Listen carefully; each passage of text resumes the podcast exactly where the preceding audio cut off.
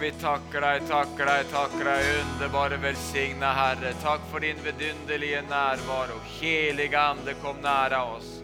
Helige Ande, vi öppnar våre hjärtan. Vi öppnar våre hjärtan for ditt ord og for din berøring. Vi öppnar våre hjärtan for din korrigering. Takker at du møter var og en i denna i dag, Herre. Møter oss gjennom ditt ord, møter oss gjennom din övernaturliga kraft og smörjelse. Att du har en väg för var och en, oberoende av vilken situation vi står i, så har du en väg för var och en i denna lokal, Herre. Och vi prisar dig för det i Jesu namn. Halleluja. Amen. Amen. Ge Herren en applåd, det tycker jag han har värt. Och lovsångarna också. Tack så mycket. Varsågod och sitt. Så flott å være tilbake i Øvik og den fantastiske, fine lokal som ni har. Det her måtte være en riktig trosforsamling. Amen. Det er underbart. Eh, ja, For dere da som ikke kjenner meg så vel, så heter jeg Rune Boisø. Jeg er norrman. Eh, eh, bor i Uppsala med min familie. Der har jeg tre underbare barn, 25, og 22 og 19 år gamle. Nå har jeg igjen gleden og Skal vi kjøre den istället? Okej. Eh, Nå har jeg igjen gleden at undervise min egen dotter i bibelskolen. Haft, eh, hon tredje av barnen som nå går bibelskolen, og det har vært like kul og litt, like utfordrende hver gang. Du vet at vi predikanter vi elsker å berette stories hjemmefra. Men når man har et av barnen i lokalen så har man liksom en, eh, en sensor som kollar at det man sier, er virkelig sant. Så at, og det er bra. Nej, men Det er fantastisk. Det er underbart en, eh, å, å kunne tjene Gud i forsamlingen. Jeg er ansvarig for vårt arbeid i Europa, hvilket er ekstra trivelig. Uh, Gud elsker Europa og vi elsker Europa. Amen. Uh, og Nå skal vi tale om Filippebrevet, uh, og vi skal kjøre tredje kapitlet i dag. Og Filippe, Filippebrevet er jo et resultat av hvordan missionen i sin begynnelse startet i Europa. Du kjenner jo historien, eller hur? Hur Paulus har ett hjärta for Turkiet. Og han åker først, for han vil ned i Efesus og den helige ande stannar honom. Og så forsøker han åka då opp i de nordøstra delene av Turkiet med sitt gjeng. Det er andre missionsresan og den helige ande stopper honom da også. Og så åker de til Troas. Eh, har du vært med om det noen gang? Att eh, du vet liksom at det er noe på gang, du vet at Gud leder deg, men det blir liksom ikke riktig noen, noen, noen greie på det, sier vi i Norge. Eh, man måste vänta. och det kan vara lite svårt ibland i den kristna vandringen att vänta. Jag kommer ihåg när jag var 23 år gammal, jag gick bibelskolan och hade kommit till Livets Ord och så var jag vakt, nattevakt, på den tiden behövde jag nattevakter på Livets Ord. Och så gick jag upp eh, stora parkeringen eh, tidigt en morgon och så frågade jag Herren, Gud hur gammal kommer jag vara när jag ska gifta mig? Och jag var som sagt 23 år gammal och så hörde jag inom mig 25. Och bare Nei, det är en evighet. Og jeg var 25 år. Två år er ingen evighet. Amen. Og når man ser tilbake, så er man alltid glad for ventetiden. men når man står midt i ventetiden, så er det aldri spesielt rolig. eller hør? Men det er en del av trosvandringen, det er faktisk att lära seg tysta ned og vente inn retta tiden. Eh, och det fick Paulus med sitt gäng göra och i Troas, Troas väntade de. Vi vet inte hur lång tid det tog, men en natt så hade Paulus en vision. Han såg en makedonsk man som bad kom över och hjälp oss. Och så fick de åka över på Sporosträdet och åka in i Europa. Och den första staden de började arbeta i det är jo staden Filippi eh, som är i, i, i Grekland. Och I, eh, i Filipperbrevet kapittel 3 så har vi gått ti år fram i tiden. Paulus er i det romerske fengselet. Og det her kapitlet da, som egentlig skulle kunne være et klagokapitel. Jag vet inte, du så, du så, du, du, jag hoppas inte att du har sett serien, men det fantes en serie som hette Lillehammer, som var da en serie fra Lillehammer i Norge, som var en komiserie. Og Der var det en afrikansk mafiakar som liksom rymde mafiaen i USA, i New York, og landet da i Lillehammer og satte hele Lillehammer, lille Lillehammer på huvudet. Og sen ved noe tilfelle så tog de han til fengselet. Og så når han gikk inn i det her i og så tykte han det var et så utomordentlig fint fengsel, så han sa Er det her et fengelse, sa han. Hur ser hotell ut då, da, sa han. og det var inte så for Paulus. Et romersk, en romersk fångehåla på den tiden, det var inte som et, som, et, eh, som et hotellrom, skal jeg si. Men enda så er det her et brev som taler veldig mye om glede. Eh, og Det har også en hel del å si oss om den kristne gleden. Den kristne gleden er nemlig veldig veldig central i den kristne vandringen. Och Om vi börjar då i Filippebrevet kapitel 3 og vers 1 så sier Paulus så her. For øvrig, mine brødre, gled er i Herren. Og Det tycker jeg er en rett rolig greie, for han har jo pratet om gledje, og så prater han om litt olika saker og så faller han tilbake til gledjen. Og så prater han om andre saker og så faller han tilbake til gledjen. Og så kommer han igjen. Ja, for øvrig, bröder, gled er. Og ved det her leget, i et kapittel som sier gledje 16 ganger, så har vi liksom fattet det nu. Men ändå så tar han liksom och repeterar det. För övrigt mina bröder, gled er i Herren. Det är inte alltid att vi kan glede oss i omstendighetene. Det er ikke alltid at vi kan glede oss i hvordan det ser ut i våre relasjoner, hvordan det ser ut i vår ekonomi, hvordan det ser ut i vår kropp. Men vi kan alltid glede oss i Herren. Amen. Vi er alltid frelste. Amen. Og det er det han taler om. Han sitter i et fängelse. Men han ser ingen orsak til hvorfor han ikke fortfarande kan glede seg i Herren. For meg er det inget besvær å skrive samme sak til dere igjen. Og for dere er det tryggere. Hva mener han med det? Jo, men det er jo ingen av er som har det så ille som meg. Her sitter jeg og kanskje skal avrettes. Men om jeg kan glede meg i Herren, hvor mye mer kan ikke du da glede deg i Herren? Det er jo liksom det som er budskapet. Det er trygt for deg å glede deg i Herren. Det er ikke bare trygt, det er også rett. Jeg kjenner meg ikke så glad, sier du. Nei, men du skal ikke kjenne deg glad for å glede deg. Du skal glede deg for å kjenne deg glad. Amen. Det er som å øse ut ur en kjelle som bor innom deg.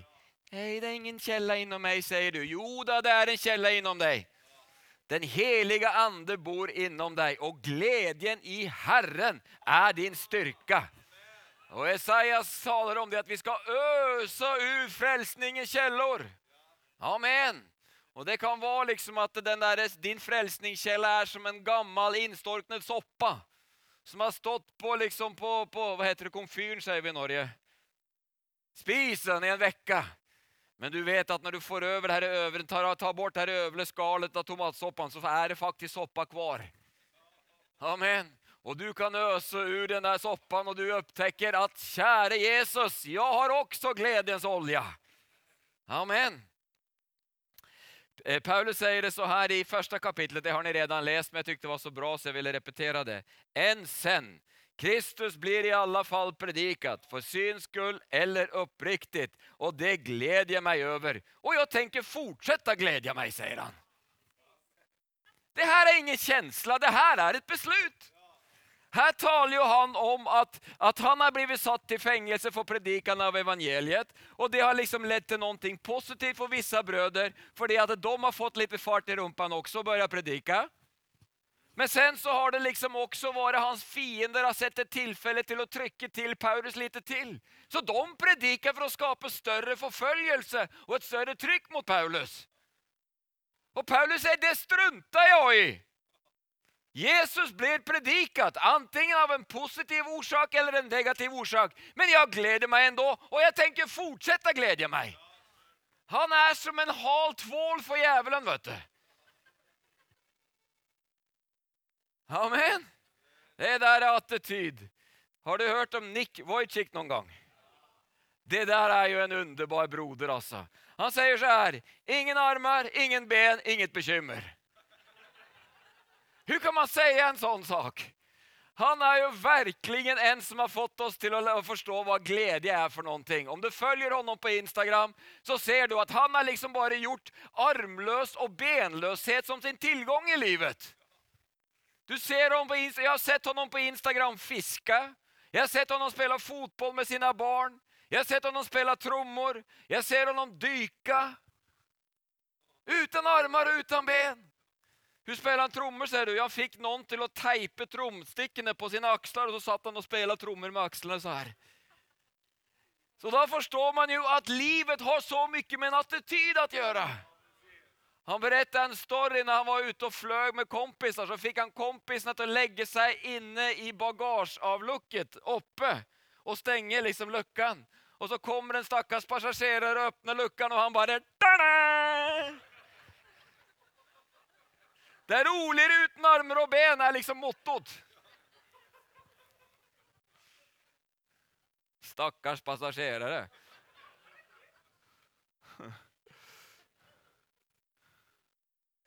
Og da forstår man, eller denne broderen, jeg gillar denne broderen, David Lega. Også som har armer og ben som ikke fungerer, eller hur? Og er liksom verdens gladeste og dyktigste politiker, EU-kommissionær i Bryssel. Er ikke det fantastisk? Jeg så den her på hans Instagram for ikke lenge siden. Han heter liksom asiatisk mat med pinner. Nei, men da har du jo distans, eller hur? Om disse karer kan være glade, hvorfor skulle ikke vi kunne være glade da? Du har ikke sett min fru, sier du. Nei, men det Forlåt, det var en dårlig tanke.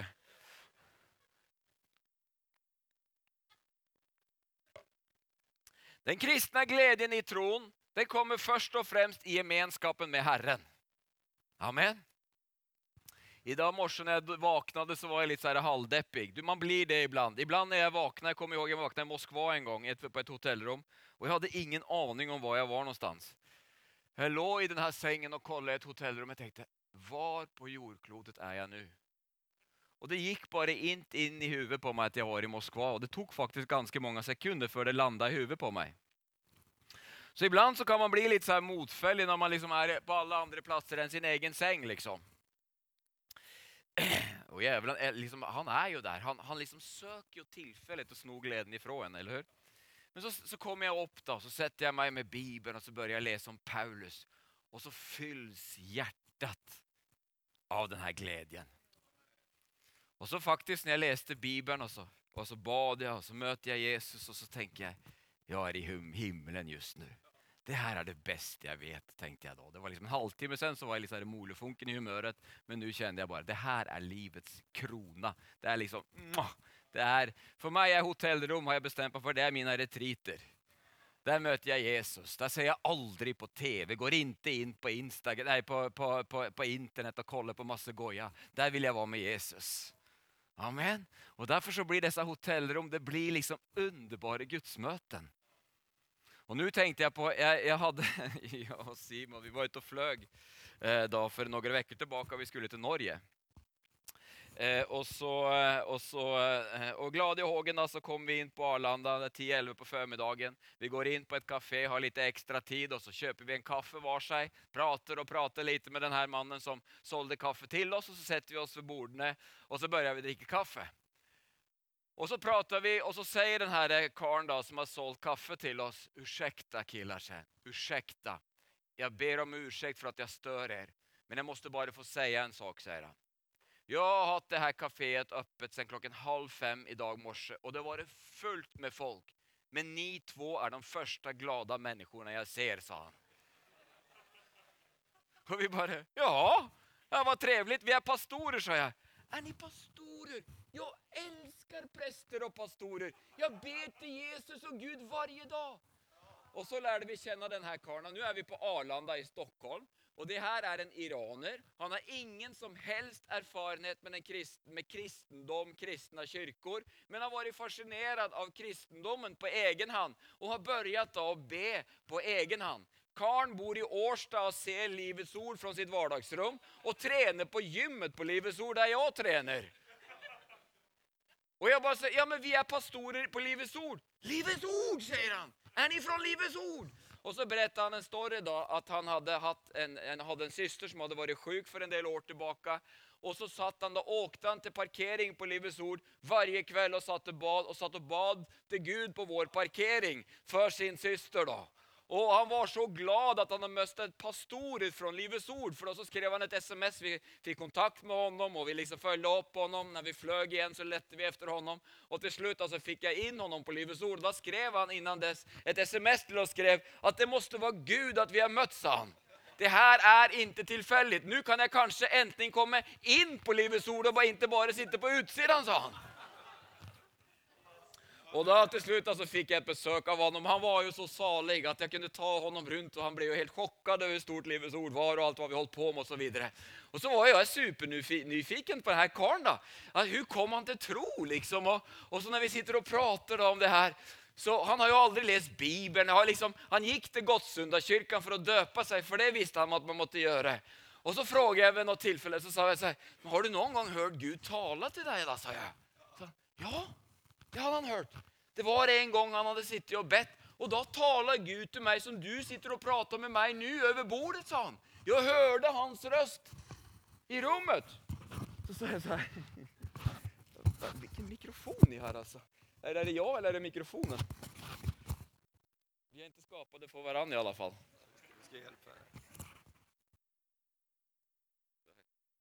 Så, så, han ba for meg nu. Så sa jeg så her jaha, hva, hva sa Gud til deg, da? sa jeg. Jo, Gud sa så her, sa han.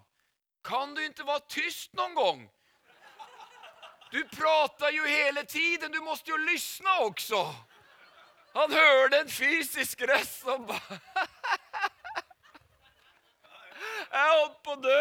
Jeg tenkte det var en predikan til hele kristenheten. tenkte jag. Så Gud hade sagt, kan du inte vara tyst någon gång? Du pratar ju hela tiden, du måste ju lyssna också. Och sen så måste du få deg en bibel, du, skal, du måste läsa bibeln.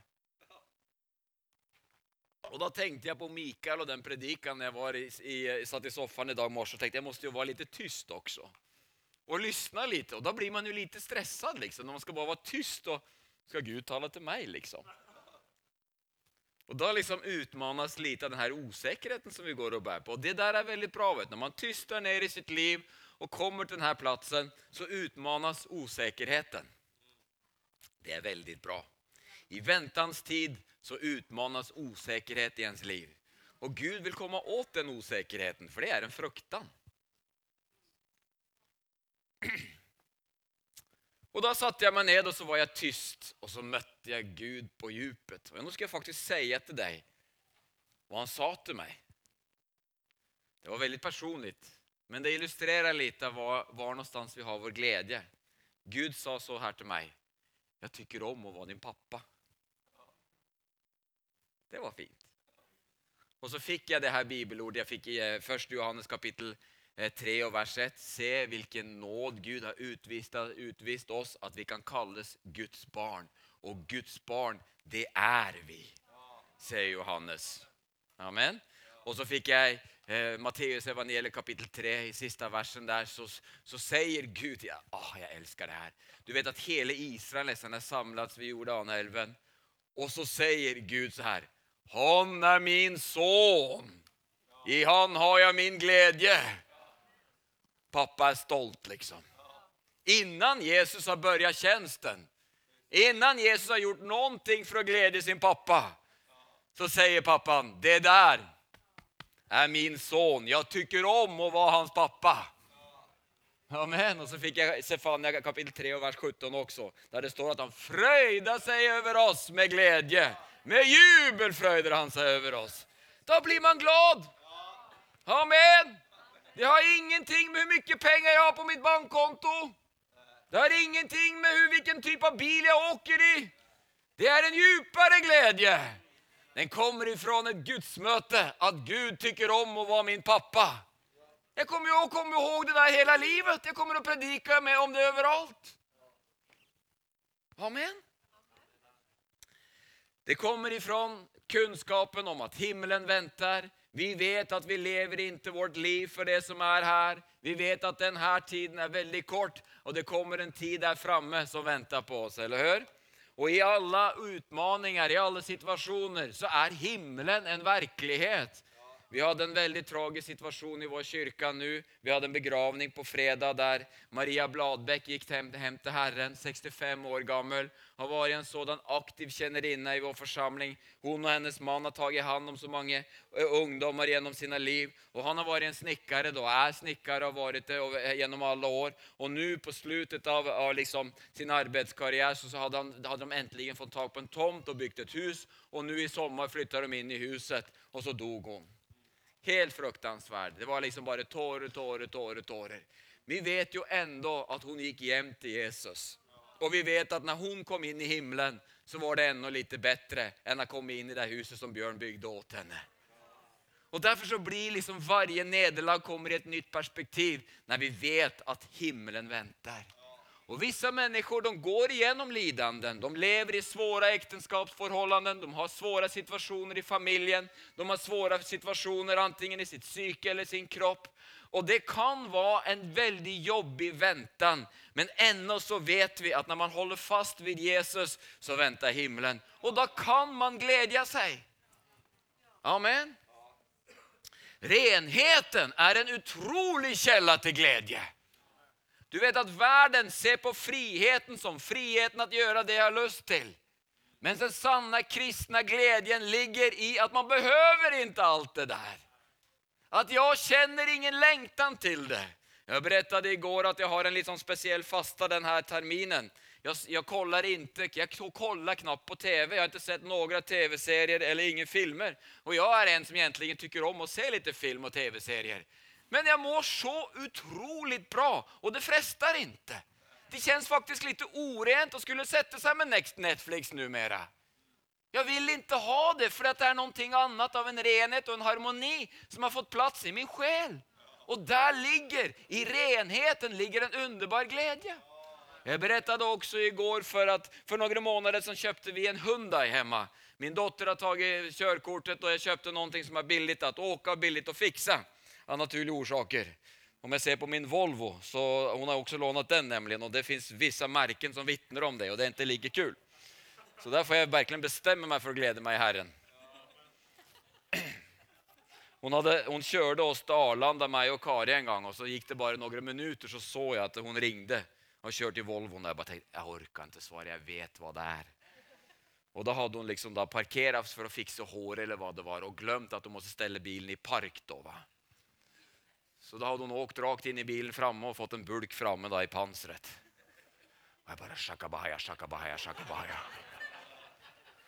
Og tror du ikke da at jeg får et sms når vi hadde åkt da? Jeg fiksa det, pappa. Hva da fiksa det? Ja, jeg så på Youtube at du kan helle kokende vatten på bulken. Hva? Har du helt kokende vatten på min bil? sa jeg. Ja, nå er den bra, sa hun. Men det var den jo inte.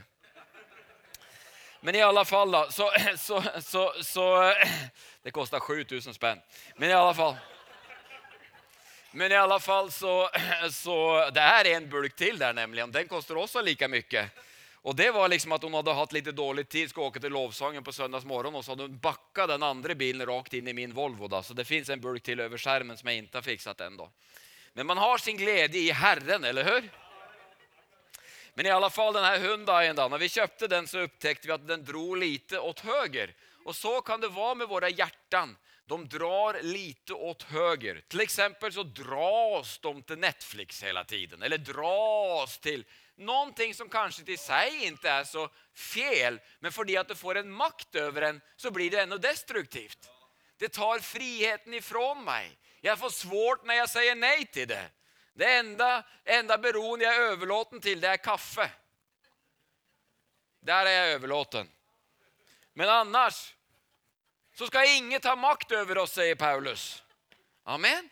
Og man får, liksom, får liksom, fikk liksom legge energi på å holde bilen kvar på veien. For at man slapp ratten når man vilade så dro den til diket. Og så er det med ditt hjerte också. Det finns saker som är liksom, du måste lägga energi på att inte liksom släppa taget. För när du släpper taget så hamnar du i det här diket om och om igen. Och världens frihet är då, ja men det där är ju okej, okay. allt är okej. Okay. Men då är den kristna friheten är i att du blir fri ifrån det där. Så når jeg var på en resa så hadde de bytt vinterhjul og så kom jeg tilbake fra resan og så drar ikke bilen åt høyre lenger. Og Da såg vi også på displayet at nå gikk det mindre bensin når vi var ute og åkte også. Og så er det. Når Gud kan gjøre det her verket på innsiden, så man blir fri ifra disse krafter som drar en, så går det mindre energi å holde seg rakt på vägen. Så renhet är en väldigt, väldigt viktig källa till den kristne glädjen. Och så är det såklart att vara i Guds vilja. Och det att vara i Guds vilja det innebär ibland vissa offer. Og eh, och, och ibland så är det också så att när Gud vill att vi ska offra någonting så får vi liksom lite så som Abraham. Offra ditt liv i Ur i Kaldeen. Och så vet han inte riktigt vad, vad som väntar honom istället. Och där utmanas ibland vår tillförsikt till Herren att faktiskt våga att släppa taget. För exempel om du har en bra karriär, du, har du är duktig i ditt jobb och så leder Herren deg til å ta et jobb i Guds rike i stedet. Da kan det være veldig svårt å slippe taget i noe man har bygd opp. Kanskje har man en identitet i det, kanskje har man en trygghet i det. Og så må man slippe taget for man kjenner liksom at Herren leder i denne riktningen. Amen. Men att vara i Guds vilja, det är en utomordentlig källa till glädje. Eh, eh, Paulus då, eh, i, jag har pratat väldigt länge, jag är knappt inne i kapitlet. Okay. Paulus i, i kap, kapitel 3 och vers 2 då, så säger Paulus så här. Se opp for hundarna, se opp for de onde arbetarna, se opp for de sønderskurne. Det er vi som er de omskurne, vi som tjener Gud gjennom hans ande og har vår ære i Kristus Jesus och inte förlitar oss på det yttre. Så Paulus kommer här med en varning, en varning som det, för det som är ute efter glädjen i det kristna livet. Och här så var det ju den här attacken som var på den första kristna församlingen. Judaistiska lärare som kom i Paulus fotspår och skulle försöka å få hednadförsamlingarna att börja följa Moselagen. Och så fort de kom in i lagiskhet så förlorade de också den sanna glädjen som, som, som den kristna liksom, tron gav dem. Och det er kanskje ikke Moselagen som er ditt og mitt problem. Jeg vet ikke hur det var med deg, men min første frestelse i dag morse, det var ikke omskjærelsen. Det er jo litt annet vi sliter med, eller hur? Kanskje så dras man åt synden, kanske så dras man åt materialismen, kanske så dras man åt bekymmer av olika slag. Alltså vår individualistiske, sekulära värld gör också att vi måste vakta glädjen. Vi måste vakta liksom renheten i den kristna vandringen. Vi måste vakta beslutet som vi har tagit och de offer vi har gjort för att följa Jesus och leva i hans vilja. Vi måste vakta det här fokuset att livet är evigt. Amen. Och vi måste vakta tiden så vi faktiskt får tid med Jesus varje dag. For denne gleden som kommer ut ur gemenskapen med Herre, det er virkelig en ferskvare. Du kan be og være salig i går, men i dag så er det som gammel fisk. Vet du. Min mor sier alltid at gjester er som fisk. Det lukter vondt efter tre dager. Så Derfor er hun aldri hjemme hos oss mer enn tre dagar. Det tycker min fru er helt ok i og for seg. Og så, Det er ikke så med den kristne vandringen, men det här gudsmøtet er ferskvare. Vi måste liksom oppdatere det på en daglig basis Og da måste man liksom vaka over det og, varna, eller og, og liksom, eh, liksom vaka over det som bevarer gleden i mitt liv. Amen. Oforlåtelse er en utomordentlig tjuv. Vi kommer alltid att stöta oss på människor som inte förstår riktigt, som säger saker som kan vara lite sårande. Och så fort vi börjar mala om det och även prata om det så försvinner glädjen. Amen. Så det å förlåta och, för, och döma människor efter deras intentioner. Och våga tänka att ja, men det, han, han, han klantade till det men intentionen var ändå bra. ofta så dömer vi oss själva på våra intentioner och så dömer vi andra på deras handlingar.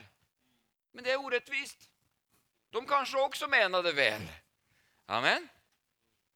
Vittnesbördet, vi kan läsa i kapittel kapitel 3 och vers 4. Jag är medveten om att jag pratar väldigt mycket när jag predikar. Men jag vet inte hur man predikar annorlunda. Det är svårt att predika utan ord, i alla fall här, här uppifrån.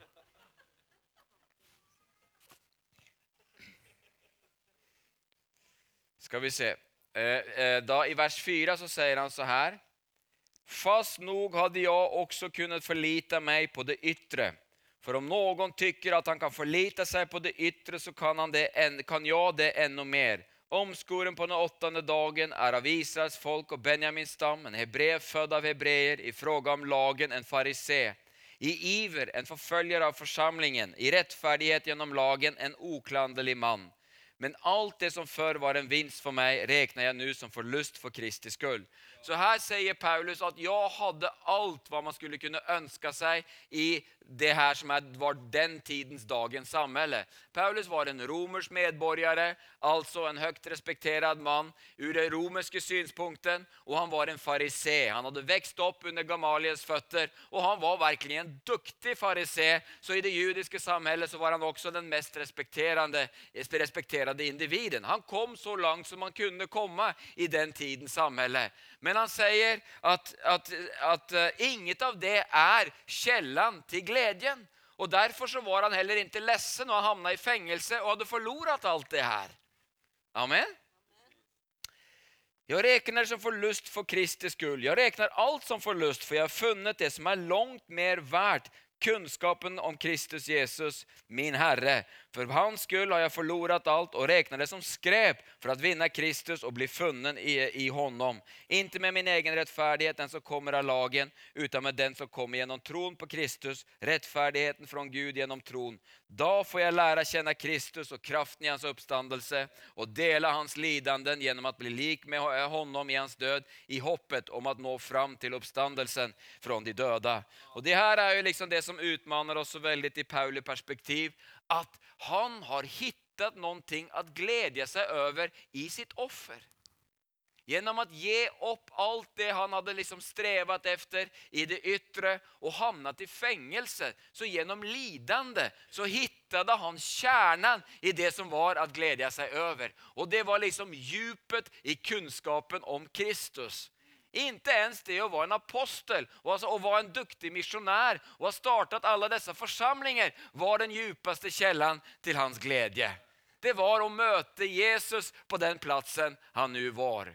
Och det här, det här är en liten påminnelse till dig och mig också om liksom hur vi kan se till att prioriteringarna i vårt hjärta är rätt.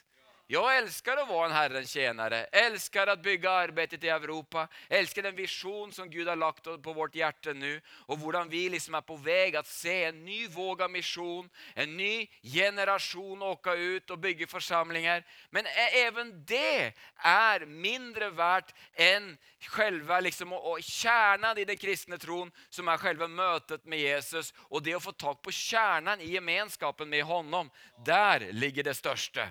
Jag kommer ihåg jag växte upp i en familj som, eh, var, eh, som hade en ganska så begränsad, väldigt begränsad ekonomi. Eh, min pappa var busschaufför, vi hade inget eget eh, hem. Vi bodde i huset till min mormor eh, som var alkoholiserad. Så, det, så den här gjorde att jag bestämde mig för att det ska bli annorlunda när jag växer upp. Jag bestämde att jag ska ha ett bra jobb, jag ska ha en god utbildning, jag ska bli civilekonom och jag ska ha god ekonomi och köpa mitt eget hem till min egen familj. Var liksom min plan. Og så ble jeg jo frelst da, når jeg holdt på med mine ekonomistudier. Så ble jeg jo frelst. Og så opplevde jeg Herren kalle meg til å gå bibelskola. Og det var jo ikke alls min plan. Det var en jättekamp å begynne denne bibelskolen i Oslo. Men så valde jeg det og så bare eksploderte gleden på innsiden over å ha tatt det her beslutet. Men, äh, men, men halvveis inn i den bibelskolen så var jeg i Uppsala på nyårskonferens og kjente jeg skulle gå en bibelskola till. Och det var helt fruktansvært. Og så åkte jeg til den bibelskolen, og da ble jeg virkelig nervøs og tenkte på nå forlår jeg to år ifrån min utbildning. Og min mor ringde meg. Jeg bodde i en stuga langt ute i skogen i Alunda. Og Hun ringde dit og sa, hva skal du gjøre med din, med din utbildning? Hva gjør du med ditt liv? Og jeg var like nervøs som henne. Og jeg sa, jeg vil ikke bli ekonom, jeg skal bli evangelist, sa jeg. Og da gret hun i andre enden. Det låt ikke alls bra. Och så gick jag ettan och så gick jag tvåan i bibelskolan och så, när jag gick tvåan då så, så, så äh, var Carl Gustaf Severin där och vittnade om vad Gud gjorde i nyöppnade Ryssland. Det här var ju 89 typ. Och så sa han så här, vi behöver hundratals evangelister i Ryssland, sa han. Och då hörde jag den heliga ande säga, du är en av dem. Och där märkte jag att Gud har nog en annan väg än civilekonom.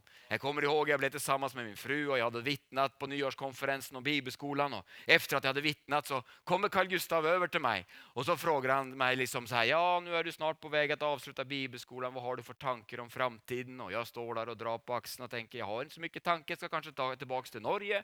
Min fru har växt upp i Afrika, hon har bara inriktat på en sak, hon vill bli missionär. Och hon ser liksom att nu har Carl Gustav pratat med Rune, nu ska vi förlova oss och nu ska vi bli missionärer. Och så kommer hon till mig efter samtalet med Carl Gustav och så frågar hon, Carl Gustav pratar med dig, sa hon. Ja, så här. ja, vad ville han veta då, sa hon. Ja, han ville veta lite hur jag tänkte med framtiden och vad jag ska göra efter bibelskola och så. Ja, vad sa du då, då, sa hon. Nej, jag sa, jag vet inte, kanske åka till Norge. Norge? Vet du inte? Du vill ju bli missionär, säger hon. Annars kan du inte gifta dig med mig. Jaha, ja, det var attityder tänkte jag. Så sa hun så her gå og prate med Carl Gustav igjen og si du vil bli misjonær, sa hun. Så da gikk jeg og prata med Carl Gustav og sa jeg ville bli misjonær, og så børja det.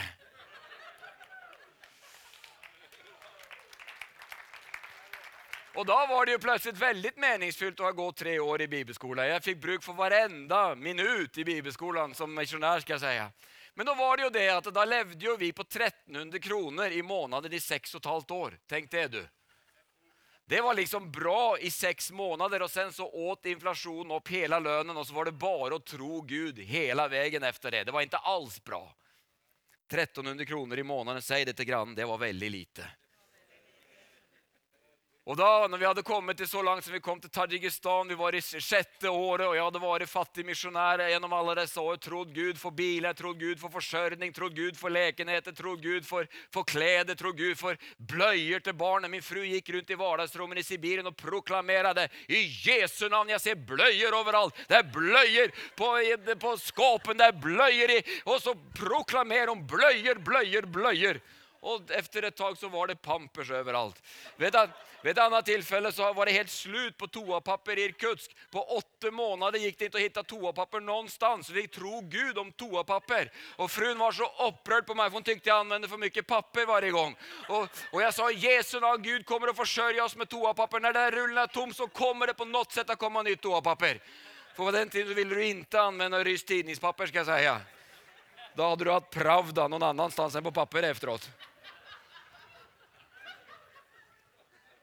Och tror du inte att när toarullen var på väg att ta slut så kommer Christian och Katarina och hem ha seminarium i Irkutsk från Magadan ute vid Japanska havet och hade en resväska full av toapapper till oss.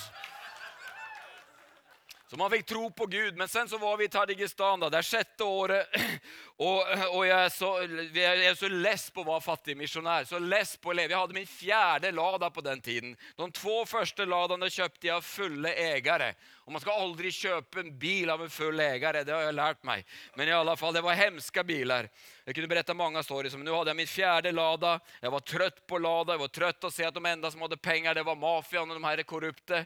Og, liksom, og, så kommer det en företagare til meg og erbjuder meg en liten businesslösning.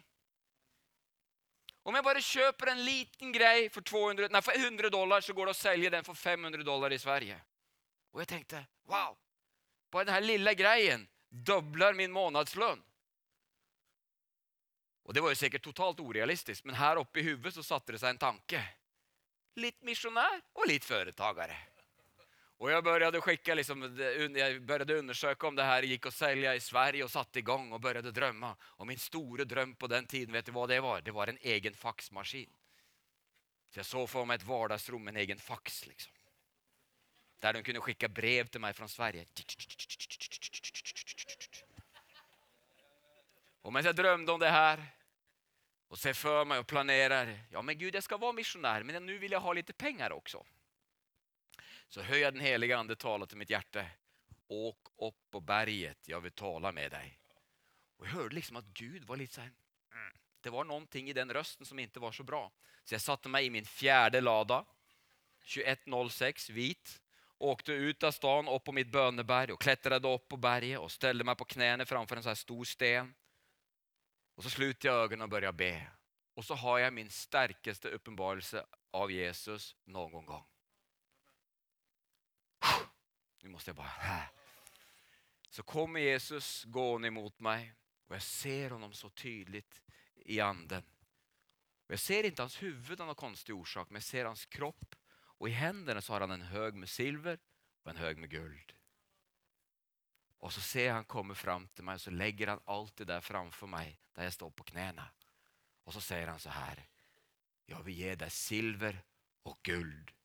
Tänkte jag, men bra, han vil jeg skal bli rik. Men så kände jeg mm, mm, det er noe som ikke stemmer. Og så fortsatte han, så sa han så her eller jeg vil ge deg sjeler. Og da brast mitt hjerte, og jeg forsto at det hadde blitt orent. Det liksom hadde fastnet i noe som ikke i seg er fel, men når hjertet fastner i det så blir det fel enda. Og jeg omvendte meg fra det och så viser Herren meg en piratkista.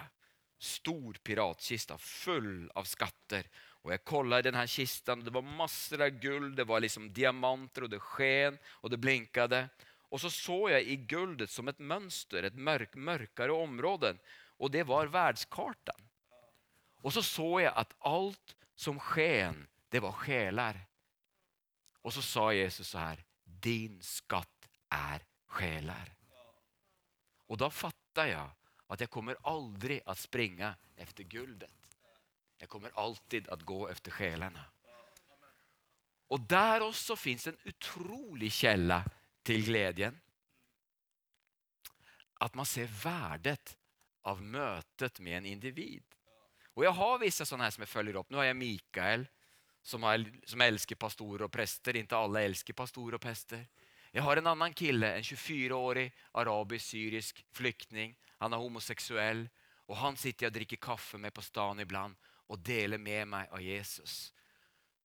Og han, nu når vi satt og drakk kaffe nu sist förra veckan så sa han, Rune se, se sa han. Han kommer en muslimsk bakgrunn. Han ville vise meg hvordan håren reser seg på hans arm når vi prater om Jesus.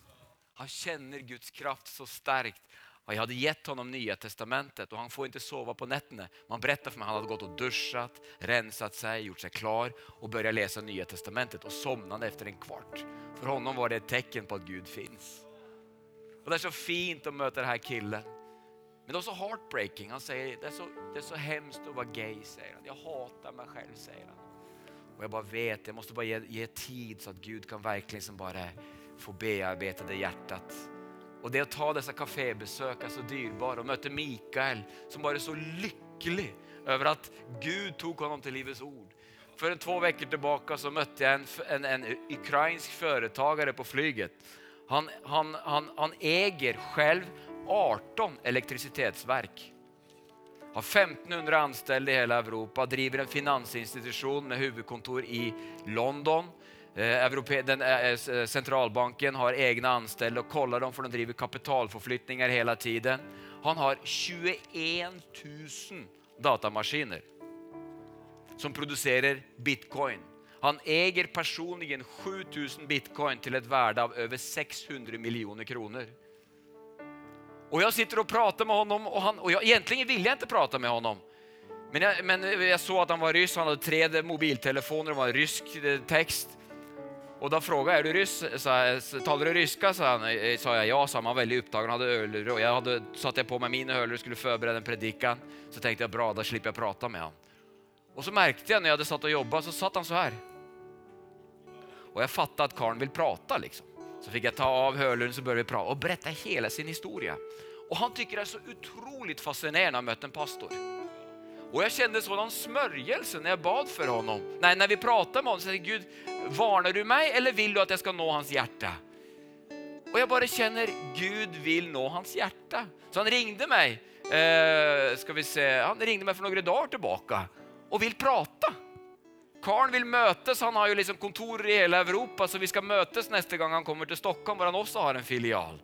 För att Gud vill nå det här hjärtat. Amen, är inte det fantastiskt? Så jag har en utrolig glädje i att möta själar. Varje sån här gudsmöte, alltså jag, jag har tuggat så mycket på det här mötet med Mikael och de här orden, kan du inte vara tyst ibland? Jag tycker det är så fruktansvärt kul att möta dessa människor.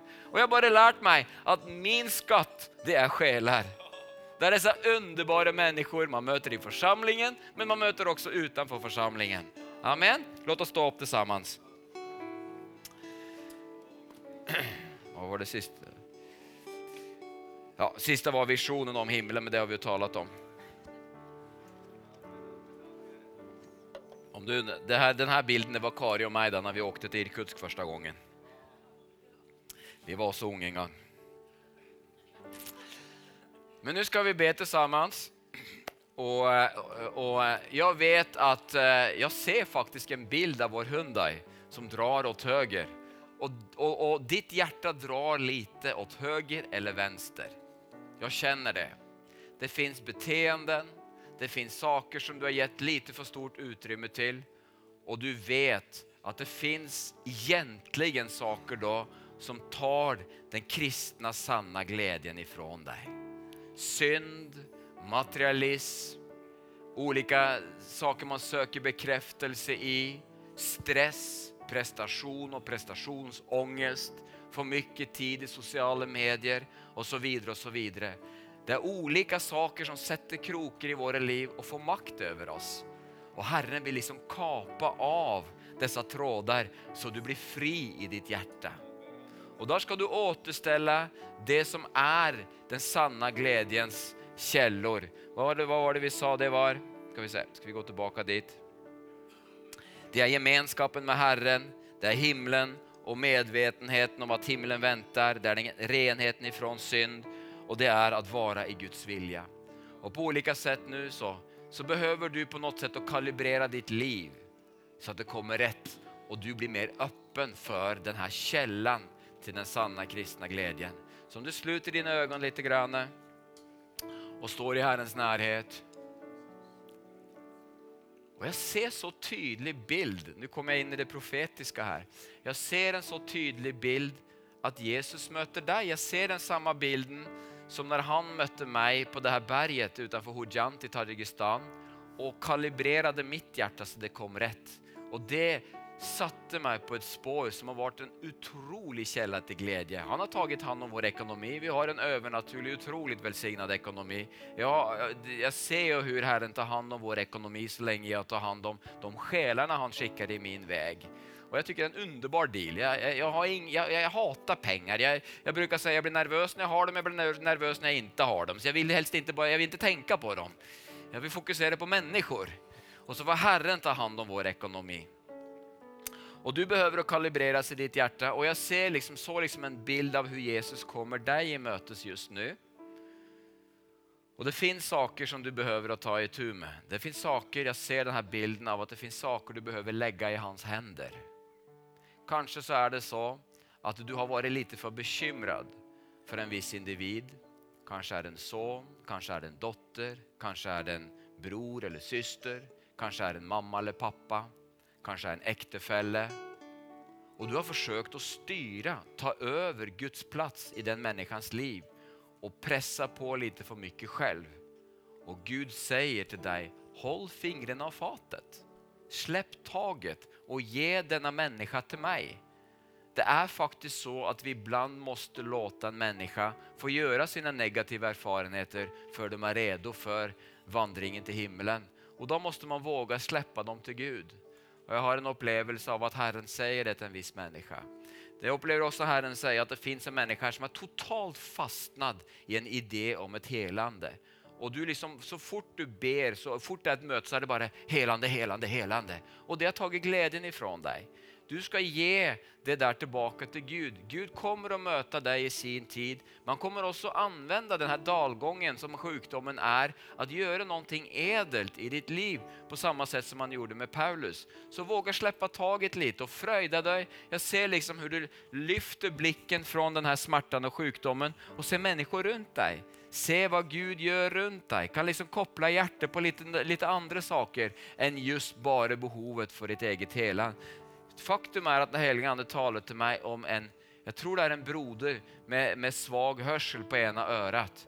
og Jeg vet ikke om det er kopplat til det ordet som jeg fikk innan. Men det er en broder her med svag hørsel på ena øret. Hvem er du? Og, du, og, og Gud viser med deg. Hvem er du? Det er en broder her med svag hørsel på ena øret. Hvem er du? Opp med en hand er du snill. Det er du. Men du er jo en syster er du ikke? Jeg tror det er en broder også. Det kan være at det er deg Herren taler om. Eh, du har det, svag hörsel på ena örat. Men den här systern hon rörde mitt hjärta. Jag tror vi kan, kan, ni båda två komma fram, är ni snälla? Ska vi be för er båda två? Kan du också komma fram? Vi ska be för er. Några av er lite yngre har vissa idéer om framtiden, vissa planer om framtiden som du har bitit deg fast i. Och det känns lite som att du har ett behov av att lägga det i Guds händer så att han kan få justera och kalibrere kursen i ditt liv. Takk, Jesus. Takk, Jesus. Takk, Jesus. Takk, Jesus. Takk, Jesus. Av noen kunst, konstig orsak så ser jeg en individ med en bro. Jeg ser ståltråden fra en bro i din mun. Vet, er bro heter det på svenska også? En tandbro, som er brygga, brygga. Eh, och jag ser ståltråden här och jag måste bara fråga Herren, det kan vara flera här, men jag måste bara fråga Herren varför han visar mig den. Men jag ser ståltråden. Hur, det kanske är pin. Om alla slutar sina ögon här, kan alla sluta sina ögon. Och jag vet inte varför Gud visar mig att du har brygga, men om, det, om du har brygga kan du räcka upp din hand. Ska vi se. Ja, ja, ja, ja. Okay. Ner med handen igen. Okej. Okay. Tack Jesus, jag måste bara fråga Herren. Tack Jesus, Takk, Jesus. OK, der også.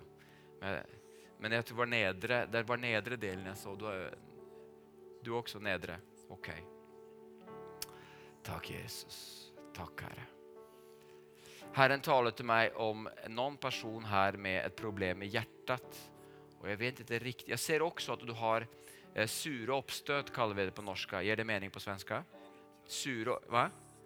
Ja, sure oppstøt. Du har problemer med at det kan bli veldig surt i magen og så kommer, får du sure oppstøt, oppstøt iblant. Det er kanskje ikke smerte i hjertet, det kanskje er mer smerte i brøstet kopplat til det. Hvem er du? Du har veldig lett for å få uh, syrlig mage, sy, sure oppstøt, og iblant så har du riktig smerte i brøstet av det her. Hvem er du? Opp med en hand. Jeg vet du er her. Hvem er du? Opp med en hand. Det er du. Kom er du snill, skal vi be for deg också. Eh, den helige ande sier til meg at vi har, Er det deg, søster? Jeg så utslag på en av foten, på huden på en av foten som nå får meg eksem. Er det du som har det? Nei? Hvem er det? Det Jeg så utslag på en av foten. Jeg tror det, Jeg skal forresten ikke si hvilken fot det var. Hvilken, hvilken, hvilken fot er det? Opp med en hand er du snäll. Eh, det var noen som har utslag på den ene foten, det er eksemliknende utslag. Vem er du? Vem er du? Opp en hand. Jeg vet du er her. Opp med en hand.